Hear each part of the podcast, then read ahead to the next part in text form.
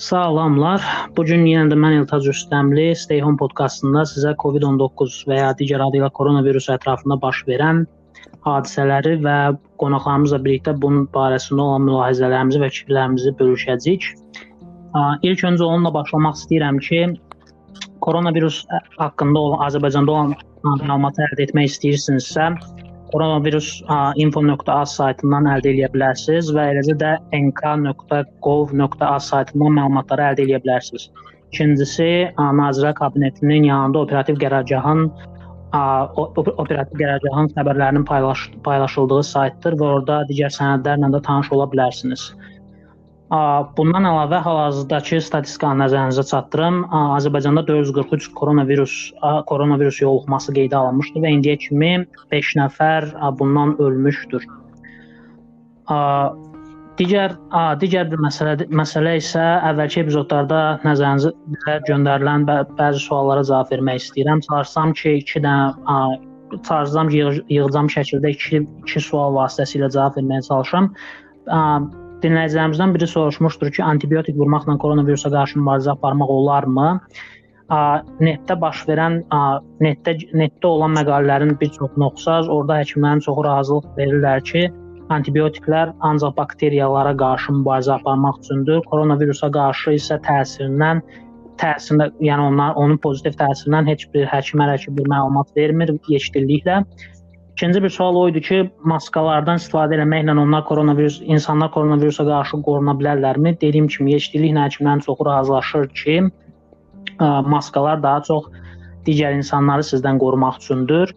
Yəni əgər özünüzdən şübhələnirsən, şübhələnirsiniz ki, sizdə koronavirus var koronavirusun əlamətlərini görürsünüzsə, on, o zaman maskadan istifadə edilmək məsləhət görülür.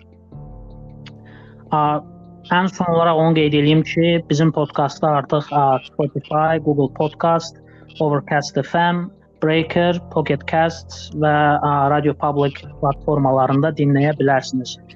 Sözümü uzun eləməyəcəm, çünki iki dənə maraqlı qonağımız var hal-hazırda. Bəhruz və Cavid. İstərdim ki, sözü onlara verim. Salamlar, özünüzü qısa şəkildə təqdim edin. Elə Bəhruz səndən başlayaq. Salam Eltac.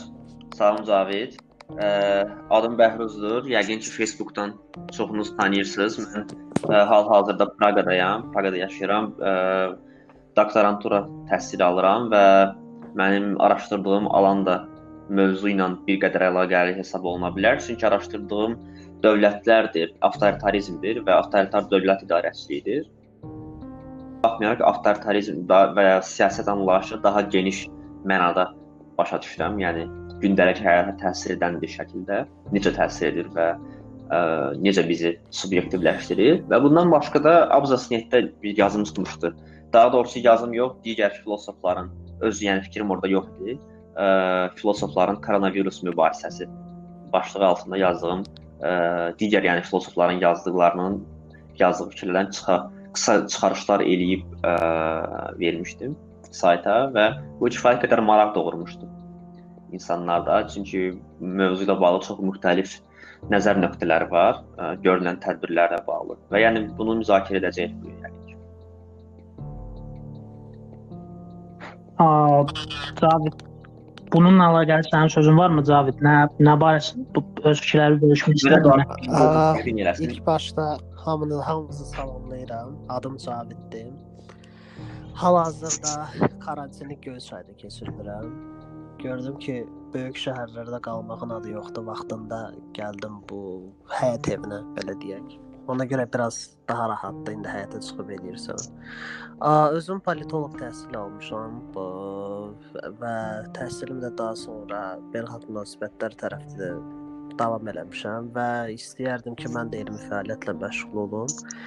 Mənim elə bil ki, məşğul olmaq istədiyim belə deyək də, əsasən ultrasağ partiyaları Avropada son illərdə məşhurlaşan ultrasağ partiyaları tədqiq eləməyi çox sevirəm, çox maraqlı gəlir mənə. Və əslində bu partiyaların özü də yəni hazırki bu epidemiyadan sonra dünya necə dəyişəcək, əsasən də qərb dünyası misal üçün necə dəyişəcək. Yəni bununla biraz bağlılığı var. İndi bununla bağlı indi uzun-uzun danışacağıq təbii ki bu verişdə də. Um, istərdim ki, elə bununla başlayaq bir ümumi sual şəklində belə bir ə, mülahizə mülahizə ətrafında fikir yürüdək. Və ikiniz də məsələn Cavid danışdı ki, ultrasağ partiyalarla maraqlanır. İstərdim ki, səbirəmsə Niderlandda təhsil alıb elə Caviddə. İstərdim ki, məsələn bu prizmadan yanaşaraq desin, məsələn Avropanı elə bu gələcəkdə bu sağ partiyaların bu koronavirusun təsiri tə, koronavirus təsirini bunun üzərində necə göstərəcək və Avropadakı necə deyim bu ə, sağ partiyaların hərəkatı genişlənəcəkmi və digər ölkələr də məsələn daha da populist şəkildəmi fəaliyyət göstərməyə başlayacaqlar. Və eləcə də Bəhruzda Bəhruza da sual ünvanlamaq istərdim ki, ə, biz indi dedik ki, bu avtoritar avtoritar rejimlər Bəhruz özü də deyir ki, avtoritar rejimlərlə əlaqəli çoxlu məqalələr oxuyubdu bu yaxınlarda koronavirusla əlaqəli və bununla maraqlanır. Və maraqlı maraqlı gəlir ki, məsələn, bu bu koronavirus buna öz təsirini necə göstərəcək? Biz indi xəbərlər xəbərləri də oxuyuruq. Məsələn, çox bəzi Macaristanda da olan dostlardan da görürük ki, məsələn, Orbanın Orban daha da elə bil necə deyim, diktator diktator vəziyyət vəzifəsinə deyək, bilmirəm daha düzgün səslənərmi bu politik cəhətdən diktator vəzifəsinə elə bil qalxır və ölkədə necə deyim, ayrı seçkilik çoxalır. Yəni bu kimi trendlər sizə çoxalacaqmı? Yəni bu istərdim ki, bu barədə ə, elə bir söhbət aparasınız ikinizdə və hətta lazım gəlsə, yəni bir-birinizə də, yəni necə deyim, debatlaşasınız, mülahizələr aparasınız. Başlaya bilərsiniz, yəni. Var. Ə, ki, mən başlaya bilərəm əgər Cavid də razıdırsa. Sonra keçərik ə, belə debat formasına. Hı -hı. Birinci mən səsləndirim, sonra Cavid səsləndirsin, sonra da ə, hansı bir yəni dialoq formasına bunu keçirək. Tamam. Ə, əvvəlcə onu demək istəyirəm ki, hə, həqiqət əgər Macarıstandan söhbət gedirsə və ya ümumiyyətlə bu daha geniş mənada avtoritar rejimlərdən söhbət gedirsə ki, onlar hər bir kontekstdə fərqli olurlar. Yəni Çin avtoritarizmi ilə Sinqapur avtoritarizmini ayırmaq lazımdır və ya Macarıstan deyəndə çox vaxt Macarıstanda avtoritar əslində rejim deyil, yəni ona avtoritar deyilir çox vaxt ə, Avropa mediasında. Ancaq elmi baxımdan, akademik baxımdan ona avtoritar demək olmaz. Çünki Macarıstanda fundamental insan ə, azadlıqları, ə, media azadlığı, bu kimi məsələlərdə belə ciddi problemlər yoxdur. Problemlər var, ancaq yəni Azərbaycan kimi, Çin kimi falan, yəni bu avtoritar hesab olunan ölkələr var. Yəni onlar kimi deyil vəziyyət orada. Ə, yəni ə, orada çox güclü vətəndaş cəmiyyəti var ki, o buna imkan verməz. Ə, o ki qaldı indiki hə Macaristanda həqiqətən də indiki bu saat, yəni Orbana verilən hüquqlar və orada yazılan yəni ki, karantin dönəmi ilə məhdudlaşmamış ə, bu ə, hüquqlar həqiqətən də avtoritar bir rəhbərə verilən diktator yox, amma avtoritar bir rəhbərə verilən ə, hüquqlar kimi ə, tanımlana bilər. Çünki yəni o istədiyi kimi konstitusiyanı hal-hazırda dəyişə bilər, istədiyi kimi parlamentin ə, heç bir yəni ratifikasiyasından keçməyən hüquq ə, qanunları qəbul edə bilər. Bu baxımdan həqiqətən də koronavirus, yəni Macarıstan timsalında götürsək, bütün dünya timsalında avtoritar liderlər üçün bir ə, yaxşı bir eksperiment keçirmək ə, səbəbinə çevrilib. Ə, yəni onlar istənilən halda bu koronavirusla bağlı vəziyyətdən istədikləri kimi istifadə edə bilirlər və istədikləri kimi vətəndaşlara müəyyən qadağalar qoya bilirlər, müəyyən problemlər yarada bilirlər və bu onlar üçün daha çox bir sınamadır məncə. Yəni sınayırlar ki, müəyyən bir ə, force major vəziyyətdə onlar bunu etsələr, nə, yəni insanların psixologiyası, insanların davranışı necə ə, təmzim təmzimləmək olacaqmı? Necə təmzimlənəcək? Ə, insanlar nə dərəcədə sözə qulaq asacaqlar və ya asmayacaqlar? Bu baxımdan məncə bu onlar üçün ə, əla bir eksperiment fürsətidir. İkincisi isə onu qeyd etmək istərdim ki, ə, avtoritarizmə qayıdaraq qeyd etmək istərdim ki, ə, məsələn Çində qəbul olunmuş avtoritar ə, yəni kifayət qədər avtoritar rejimdir Çin, yəni ən avtoritar rejimlərdən biri hesab oluna bilər. Tək partiyalı sistemdə elə bu özü çox şey deyir. Ə, orada qəbul olunmuş bu drakon qaydaları var idi ki, onlar məncə mənim fikrimcə effektiv idi. Çünki Çin kimi böyük bir ərazidə, yəni ölkənin 3də 1-ini qapatdılar və ə, karantin rejimi çox sərt idi və hətta ölüm cəzası belə var idi. Yəni kim xəstə xəstə çıxıb və başqalarını ə, xəstələndirirdisə, ona ölüm cəzası belə tətbiq oluna bilərdi. Yəni bu vəziyyətə gəlmişdi artıq və ölkənin 3də 1-i bağlanmışdı. Və düşünürəm ki, bu effektiv idi. Çünki avtoritarizm effektivdir. Yəni hər nə qədər biz bunu etik olaraq qəbul etməsək də, force major hallarda avtoritarizmin effektivliyini, xüsusən yəni force major hallarda ə, effektivliyini rədd etmək olmaz. Təbii ki, bu bizim dəyərlərimizə ziddir. Yəni bunu mən hər zaman qeyd edirəm ki, bu insan hüquqlarına ziddir, bu belədir, ancaq effektivdir. Yəni Çinin effektivliyi bunun üzərində qurulub ə, modelinin belə deyək. Və ə, o baxımdan yəni ki, Çin üçün bu, yəni onsuz da hər zaman olaraq bu digital avtoritarizmdir hətta orada, yəni artıq avtoritarizmin çox ə, bu inkişaf etmiş bir formasıdır və həqiqətən də bu çox böyük bir təhlükədir dünya üçün mənim fikrimcə. Çünki başqa ölkələr də bu ə, modeldən yararlanacaqlar və artıq yararlanırlar da. Bu Azərbaycanda məsələn bu SMS məsələsi bu avtor digitallaşmış avtoritarizmin çox şey formasıdır. Yəni bir başlanğıc ilk addımlarıdır. Ki daha sonra bu dronlara qədər, yəni bunun ə, yolu var.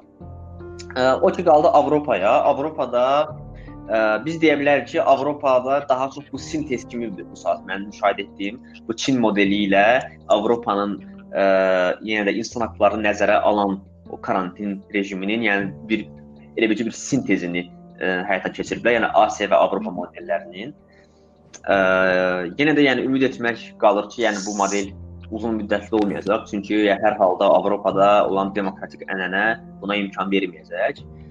Ə, yəni istənilən halda dünya üçün bu çox mənfi haldır.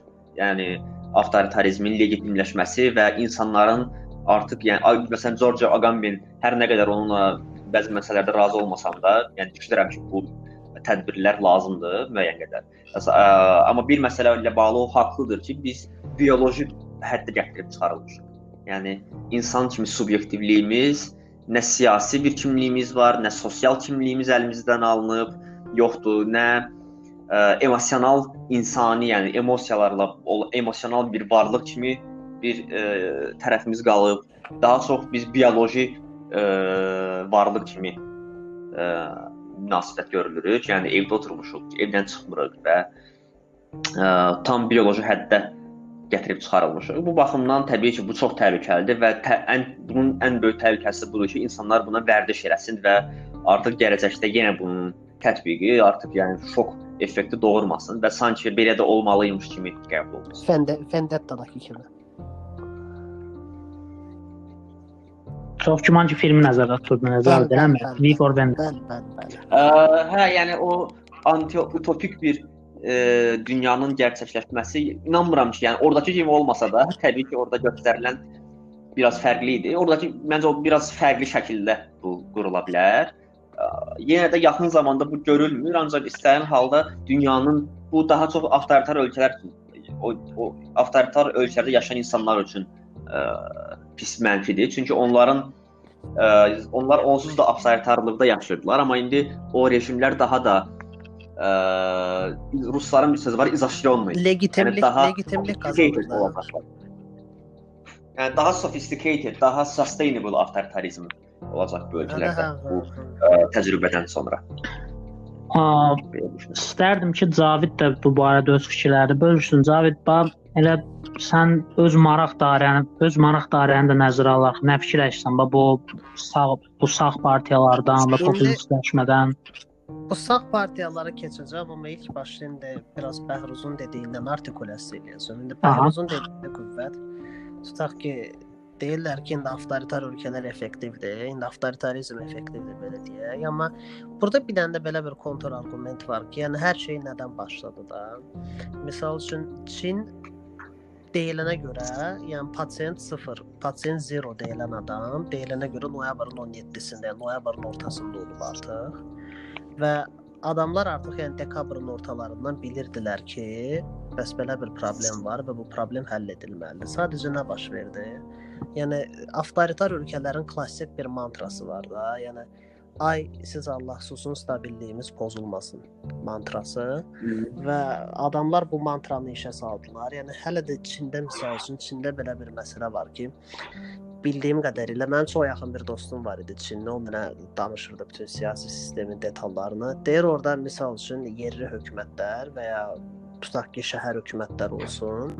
Bu insanlar nəticə etibarilə gedib Pekinə çıxmaq istəyirlər də yəni milli hökumət səviyyəsinə və bunu etməmişdən qabaq və bunu etmək məqsədi ilə, yəni bunlar hər il öz bölgələri haqqında belə mükəmməl nəticələr çatmalıdırlar da. Yəni hər şey əladır, hər şey stabildir, hər şey superdir və s. Və həmin bu yerli hökumətlər, yəni ortada heç bir şəffaflıq prinsipi olmadığına görə həmin bax bu problem çıxanda, yəni milli hökumətdə bu bölgə hökuməti də hamısı başladılar ki, bəs siz Allah stabilliyimizi pozmayın, alverimiz gedir, istehsalat gedir və s. və s. Və nəticə etibarilə, yəni şəffaflıq prinsipinin olmamasının özü əslində bu problemləri gətirir, çıxardır. Avtoritarizm effektiv olur, yəni daha sonradan bunun qarşısını almaqda. Amma problemin yaranması cəhətdən avtoritarizm heç vaxt nəyə görəsə effektiv olmur. Əksinə avtoritarizmə görə problem kontroldan çıxır da belə deyək. O, ki qaldı, yəni bunun misal üçün hökumətlərə proyeksiyasında, yəni bu dəqiqə bütün dünyada bütün hökumətlərin belə o approval rating deyilən bir şey var da, yəni cəmiyyətin nə qədər bu insanları dəstəkləyir. Hamısında yəni ciddi yüksəliş var. Yəni misal üçün, yəni Macron, yəni heç yəni adam ilk günündən sevilmir Fransa xalqı tərəfindən və həyatında ilk dəfə yəni adamın approval reytinqləri nə qədər yüksəkdədir. Eyni şey Britaniyaya da aiddir, Amerikaya da və s. İndi burada misal üçün o elə bir fenomen var da, rally around the flag deyilən bir şey var da. Yəni hazırki hökumətin ətrafında sıx birləşmək anlayışı. Yəni bizə də əslində Azərbaycanlılar kimi bizə də yaxın bir anlayışdır. Və bu cür force major vəziyyətlərdə həmişə birləşirlər. O biri tərəfdən də indi bu ultrasağ partiyalara bu necə təsir göstərə bilər? Məsəl üçün biz artıq indidən açığın deyim mən bu söhbət başlayanda, yəni birinci gün artıq bütün dostlarıma demişdim ki, Yəni siyasi spekulyasiyalara hazırlaşın. Yəni dünyanın hər yerində opportunistlər göbələk kimi bitəcəklər. Hə, hərə belə deyək də, o piroqdan bir kusok istəyəcəkdi özünə belə deyək. Və artıq misal üçün ilk günlərdə Orban başladı, hə, bütün bunlar miqrasiyaya görədir, miqrantlar və s. və s. Amma mənə ən dəhşətə gətirən hal-hazırda nədir? Tutaq ki, indi bu İtaliyadakı vəziyyət ki çox ağırdır və əsasən də şimalda vəziyyət çox ağırdır. Yəni mənə çox maraqlıdır İtaliyadan sonra mən səbirsizliklə gözləyirəm bunu. Yəni İtaliyada vəziyyət səngiyəndən sonra Salvini nə edəcək, nə cür qayıdış olacaq? Yəni prosesin üzü hara gedəcək? Bu mənə çox maraqlı gəlir. Amma eyni zamanda da hazırki bu Conte hökuməti də İtaliyada elə effektiv işləyir ki də belə deyək də. İndi bəlkə də siz yəni İtaliyada heç vaxt effektiv hökumət olmayıb. Yəni son 20-30 ildə də belə belə baxanda. Və hazırki Conte hökumətinin əməlləri insanlara göstərir ki, yəni nisbətən son illərin ən effektiv hökumətidir də. İndi indi burada belə bir dilemma var da. Ya hazırki çünki son illərdə qərbdə əsasən də establishment partiyaları problem yaşayırlar da kütləni cəlb eləməkdə. Hazırda ki, establishment partiyaları əsasən hər yerdə hakimiyyətdədirlər yenə də. Ona görə də burada iki yol var. Ya establishment partiyaları bu krizisin sayəsində özlərinə inamı qaytara biləcəklər. Ya da ki, bütün bu baş verən problemlər yenə də ultrasağların qalxışına necəsə təsir göstərəcək. Misal üçün miqrasiya cəhətdən və nə bilim gəldilər, yoluxdurdular, getdilər, nə etdilər, və o tip ritorika. İndi ikisindən biri olacaq. Bilinmir nə olacaq, amma mən açığını deyim ki, məncə establishment ə, kütləni özünə qaytara bilmə ehtimalı daha yüksəkdir, nəinki ultrasağların yenidən belə bundan opportunistcəsinə istifadə edib qazan qaynatmaqlarında. Çünki nə olur olsun establishment, yəni əməldə göstərdi də bacarıqlarını. Belə belə bir məsələ var. A, bəs belə bir belə bir nöqteyi nəzərə toxunaq sizcə bu ümumiyyətlə də bu bu dünya dünyadakı bəzi liderlərin və yaxud da elə bu bəzi siyasi siyasətçilərin qeyd etdiyi, yəni yəni health care for all, yəni səhiyyə bütün insanlar üçün və yaxud da onu yəni bütün insanların izlənməsi kimi məsələlər, bütün orta təbəqənin, orta işlək təbəqənin yəni necə deyim, əl ayaqda qalması üçün onlara maliyyə yardımının göstərilməsi dövlətlər tərəfindən bu məsələlərə necə baxırsınız? Yəni ki, bir çox yəni belə deyim də proqressiv bəzi bildiyimiz proqressiv ölkələrdə də hətta bəzi siyasətçilər qalxıb deyiblər ki, hə, yəni stimul paketləri olmalıdır. Bu işləyən bildiyimiz orta təbəqədən olan işləyən adamlara ən azından aylıq maaş müavinət verilməlidir ki, onlar ayaqda qala bilsinlər. Nə düşünürsüz bu barədə? Yəni bu nə dərəcədə bu reallaşacaq bu bu səngiyəndən sonra virus? Burada da indi Məsələnin iqtisadi tərəflərini araşdırmaq üçün kifayət qədər bu yəni sahədə professional olmaq lazımdır, ekspert olmaq lazımdır. Amma istənilən halda ə, bunu demək olar ki, ə, baş verənlər belə daha doğrusu belə başlayım ki, Mark Fisherin ə, belə bir sözü var idi ki, ə, kapitalizmin sonunu təsəvvür etmək dünyanın sonunu təsəvvür etməkdən daha çətindir. Amma indiki halda hər iki şeyi təsəvvür etmək mümkündür. Çünki həm ə, really existing capitalism ki, Chomsky deyir, o, o da bitib müəyyən qədər və dünyanın sonu da yəni müəyyən qədər artıq var. Yəni bu, o mənada ki, ə, öyrəşdiyimiz dünyanın sonu həqiqətən də gəlib. Ə, ki heç kəs təsəvvür edə bilməzdi ki, bu cür reallıq hər bir insana, dünyada yaşayan hər bir insana təsir edəcək bir ə, pandemiya bizi yəni əhatə edə biləcək. Pandemiya özü insanlar deməkdir qədim Yunanda. Hər bir insan ə, səhv etmirəmsə belə tərcümə olunur. Ə, O ki qaldı iqtisadi məsələyə, bu çox əhəmiylidir. Yəni ə, bu universal basic income məsələsi var ki, bu artıq reallaşa bilər və biz artıq təsəvvür edə bilərik ki, ə, insanlar ə, işləməsə də və ya az işləsələr belə dövlət onları təmin edə bilir. Bu məsələ var. İkinci tərəfdən ə, həqiqətən də biznes sektoruna çox ciddi ziyan dəyib və çox güman ki, dövlətlərin, yəni bunu etməkdən başqa da variantları olmayacaq ki, bu biznesə dəstəklərini verməli, dəstək verməli olacaqlar. Bununla bağlı rezervlər açıla bilər, digər tədbirlər görülə bilər. Amma istənilən halda reallıq geri dönə, dönəndə ki, məncə o dönəcək geri. Yəni düşünmürəm ki, həqiqətən də o dünyanın sonudur. O mənada ki, bitdi, yəni artıq tam yeni bir dünyaya keçirik. Yəni elə bir radikal dəyişikliyə inanmıram dünyanın sonu həqiqətən də gəlir müəyyən qədər o baxımdan ki, biz artıq təsəvvür edə bilirik bunu. Ancaq o mənada ki, dünyanın sonu ki, artıq bir ə, e, epoxa bitdi, artıq ikinci bir epoxa başlayır. Bunu deməzdim. Ə, yəni məsələn ə, biznes ə, bitir, hər şey kollektivləşir, artıq insanlar biznesi və ya bazarı kollektiv idarə etməyə öyrəniblər və ya dövlətlər ə, və ya tam avtoritarizm gəlir ki, nə biznes var, nə siyasətçiliklər var ə, ki, o Hayekin və ə, təsəvvür etdiyi cəhənnəm. Yəni heç nə o nə bu ə, mənə real görünmür. Da mənə real görünən odur ki, ə, müəyyən qədər dövlətlərin qayıdışı olacaq. Ki əgər əvvəl dövlətləri ə, daha çox, yəni qərb ə, biznes elitası olsun, qərb ə, ə, iqtisadi modellər, ya qərbdə əsas dominant olan, hegemon olan iqtisadi modellər olsun. Onlar üçün dövlət müdaxiləsi, dövlətin varlığı hər zaman mənfi qarşılanırdı ki, dövlət müdaxilə etməsin, bazarın görünməz əli və s.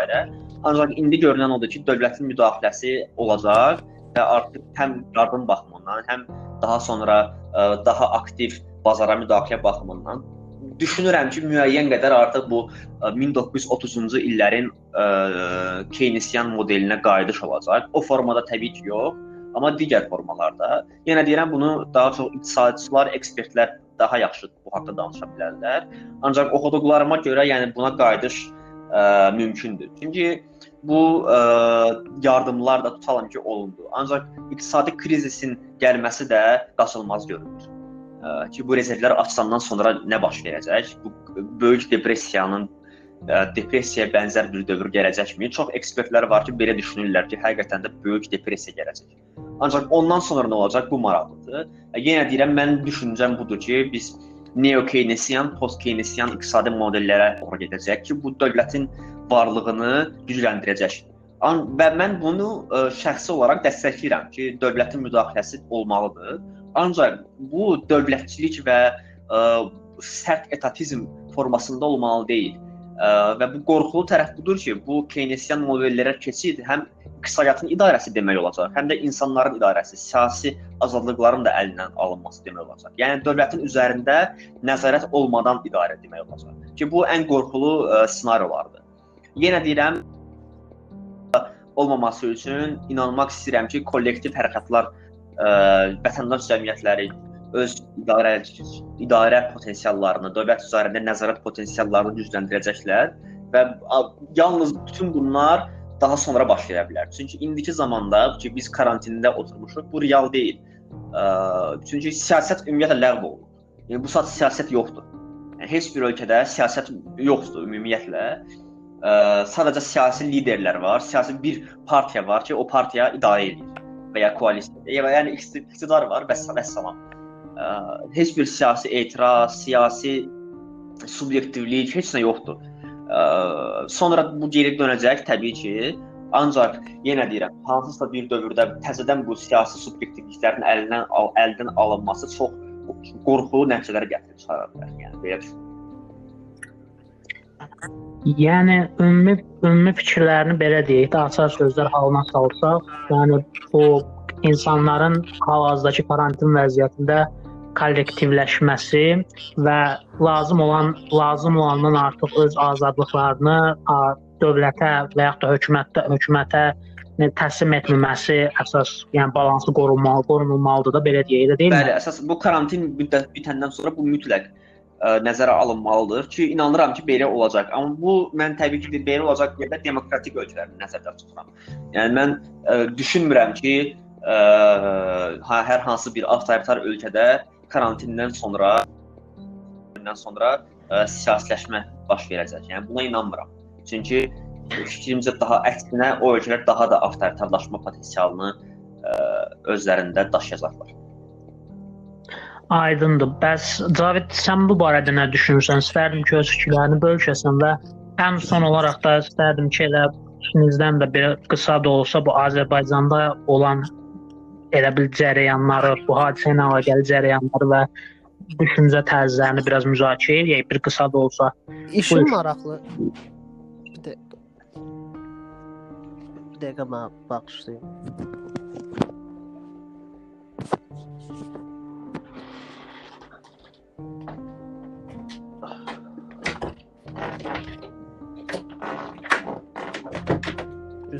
Mən. Ha, güzel. İşin maraqlı tərəfi odur ki, ə, bir texniki nasazlıq oldu. bir balaca.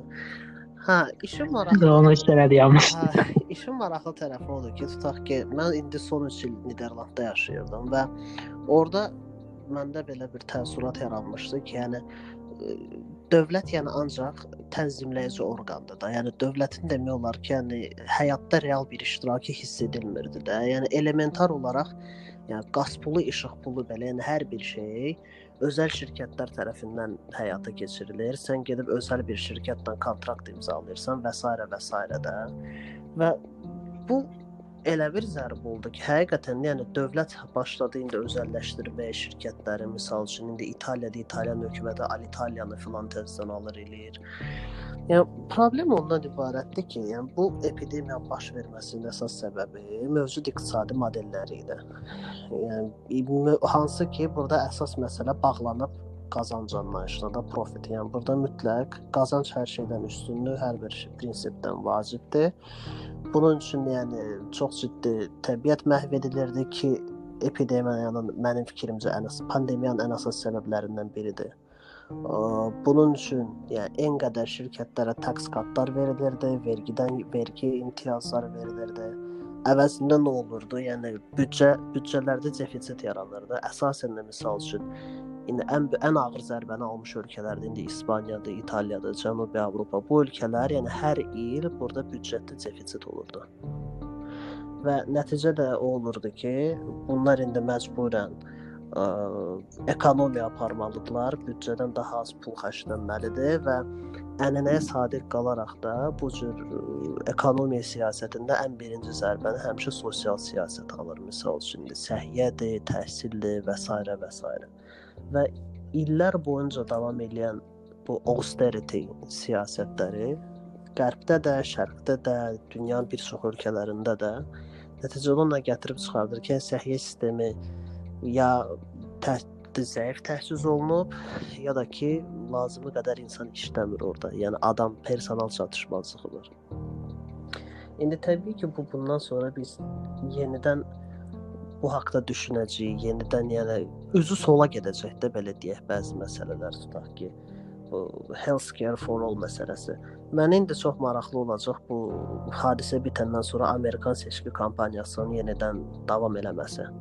Yəni burada indi Sanders comeback edə biləcəkmi məsəl üçün Biden qarşısında demokratların primarylərində?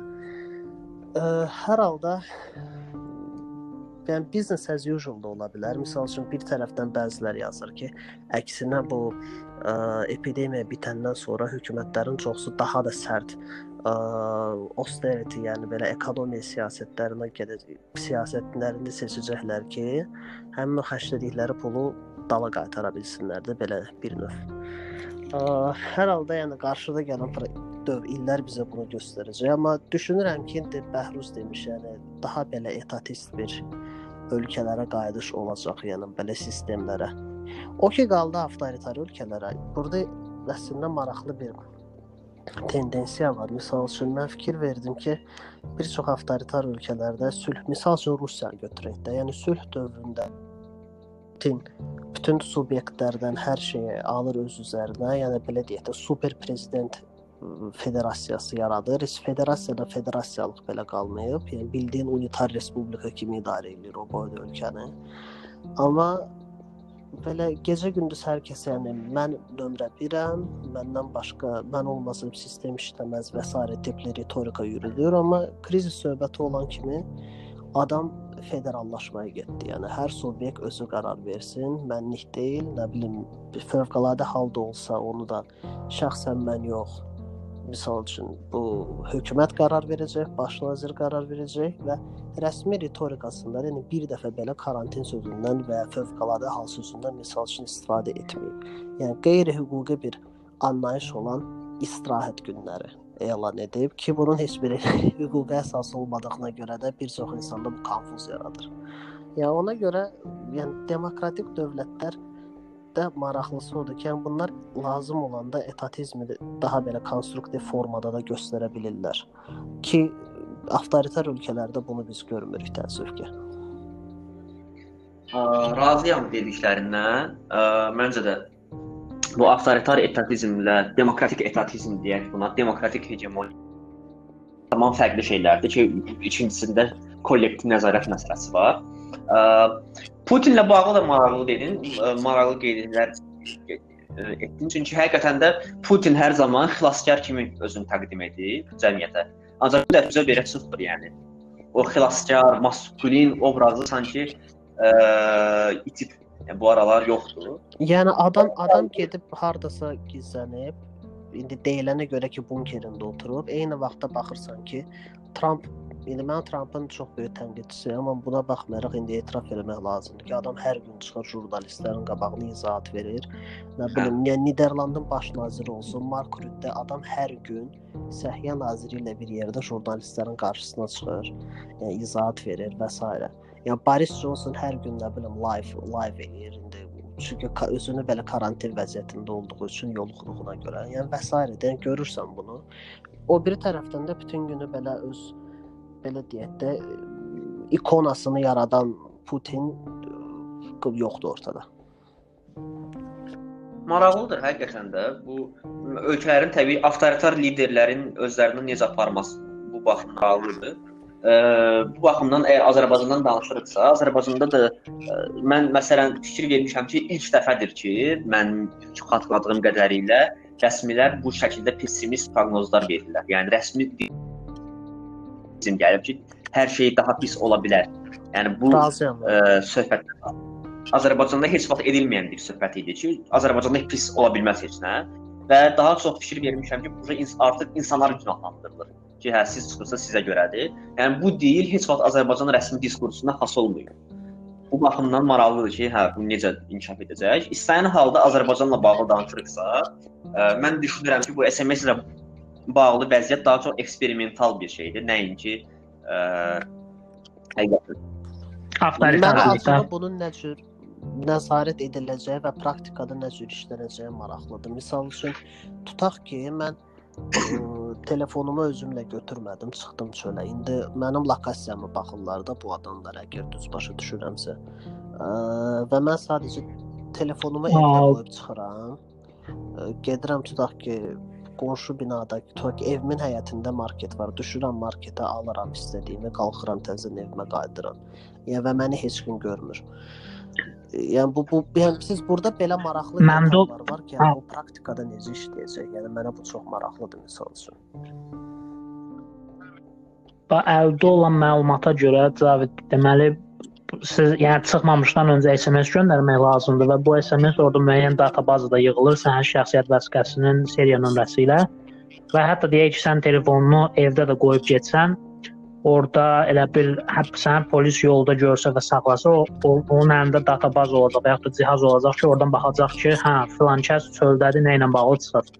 Və səni saxlayanda və sən artıq o o artıq sənə qarşı əlavə tədbirlər görməyəcək və sən öz yolunda gedib geri qayıda bilərsən və da öz işinə məşğul ola bilərsən. Tutaq ki, indi Yəni bunu belə izah tutsalar ki, texniki 100 cəhətdən. manat cərimə verilir, yoxsa nə qədərdir cərimə? 100 100 manat, yoxsa 400 manat? Hə, 100 manat. 100 manat. Yəni cərimə 100 manatdır. Çünki dostlarım da səhərdən yəni Facebookda və digər ə, sosial platformalarda da orada da qeyd edirlər ki, hə, gəzirik maşınla, maşınla, ə, maşın sürürük və yaxud da gəzirik və bizə belə cərimələr Bu dəqiqə bəs eləyiblər. qanun ki, göndərməmişdik. Minirsə niyə indidən cərimələyirlər ki?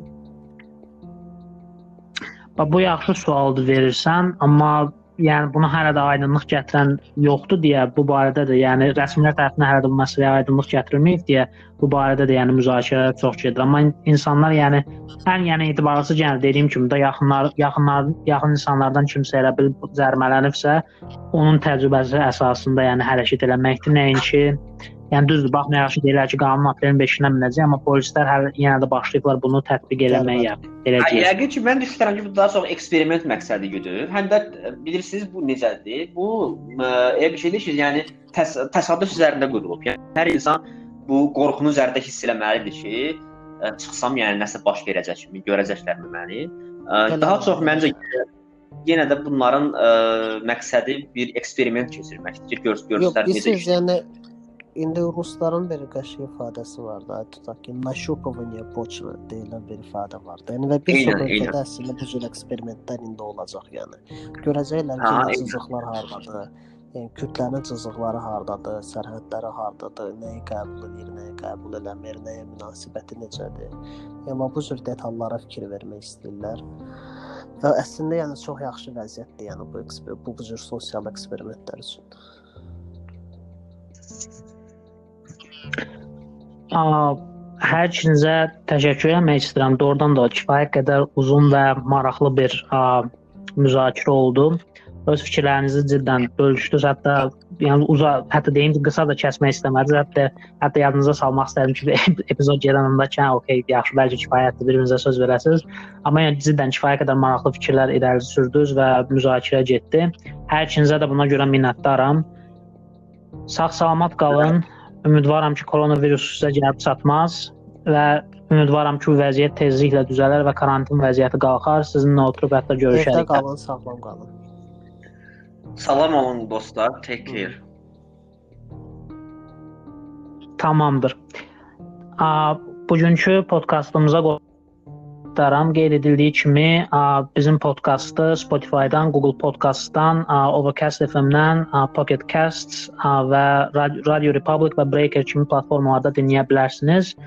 Bəhruzla Cavid bu gün qonaqlarımız idi və kifayət qədər də uzun uzun müzakirə oldu avtoritar rejimlərdən, dünyanın karantindən sonra olan vəziyyətindən, ola biləcək münasibətlərdən, iqtisadi və politik münasibətləri də unutmadıq. Dostlar, salamat qalın a, və hətta bizə mesaj göndərməyi də unutmayın növbəti epizodlar üçün. Hal-hazırda bizə daxil olan mesajlardan biri də qeyd edir, qeyd edir ki, bu yaxınlarda Bill Withers a, sol müğə sol a, janrında olan müğənnilərdən biri rəhmətə gedibdi. A, koronavirusla əlaqəli olmasa da bizdən xahiş etdilər ki, qısa bir a, a, sonda onun qısa bir a, singlını da qoysaz yaxşı olardı. Təbii ki, bu bu xahişi də yerə salmayacağıq və qoyacağıq. Özünüzə Əla. Ain't no sunshine olacaq. Təbii ki, öz son olaraq qeyd etdiyim kimi özünüzə yaxşı baxın, koronavirusa tutulmayın və rəsmi məlumatları koronavirus.info.az və nk.gov.az-dan izləyin. Nazirlər Kabinetinin yanında operativ qərargahdan. Özünüzə yaxşı baxın və gələn epizodlarda görüşənə dək. Sağ olun.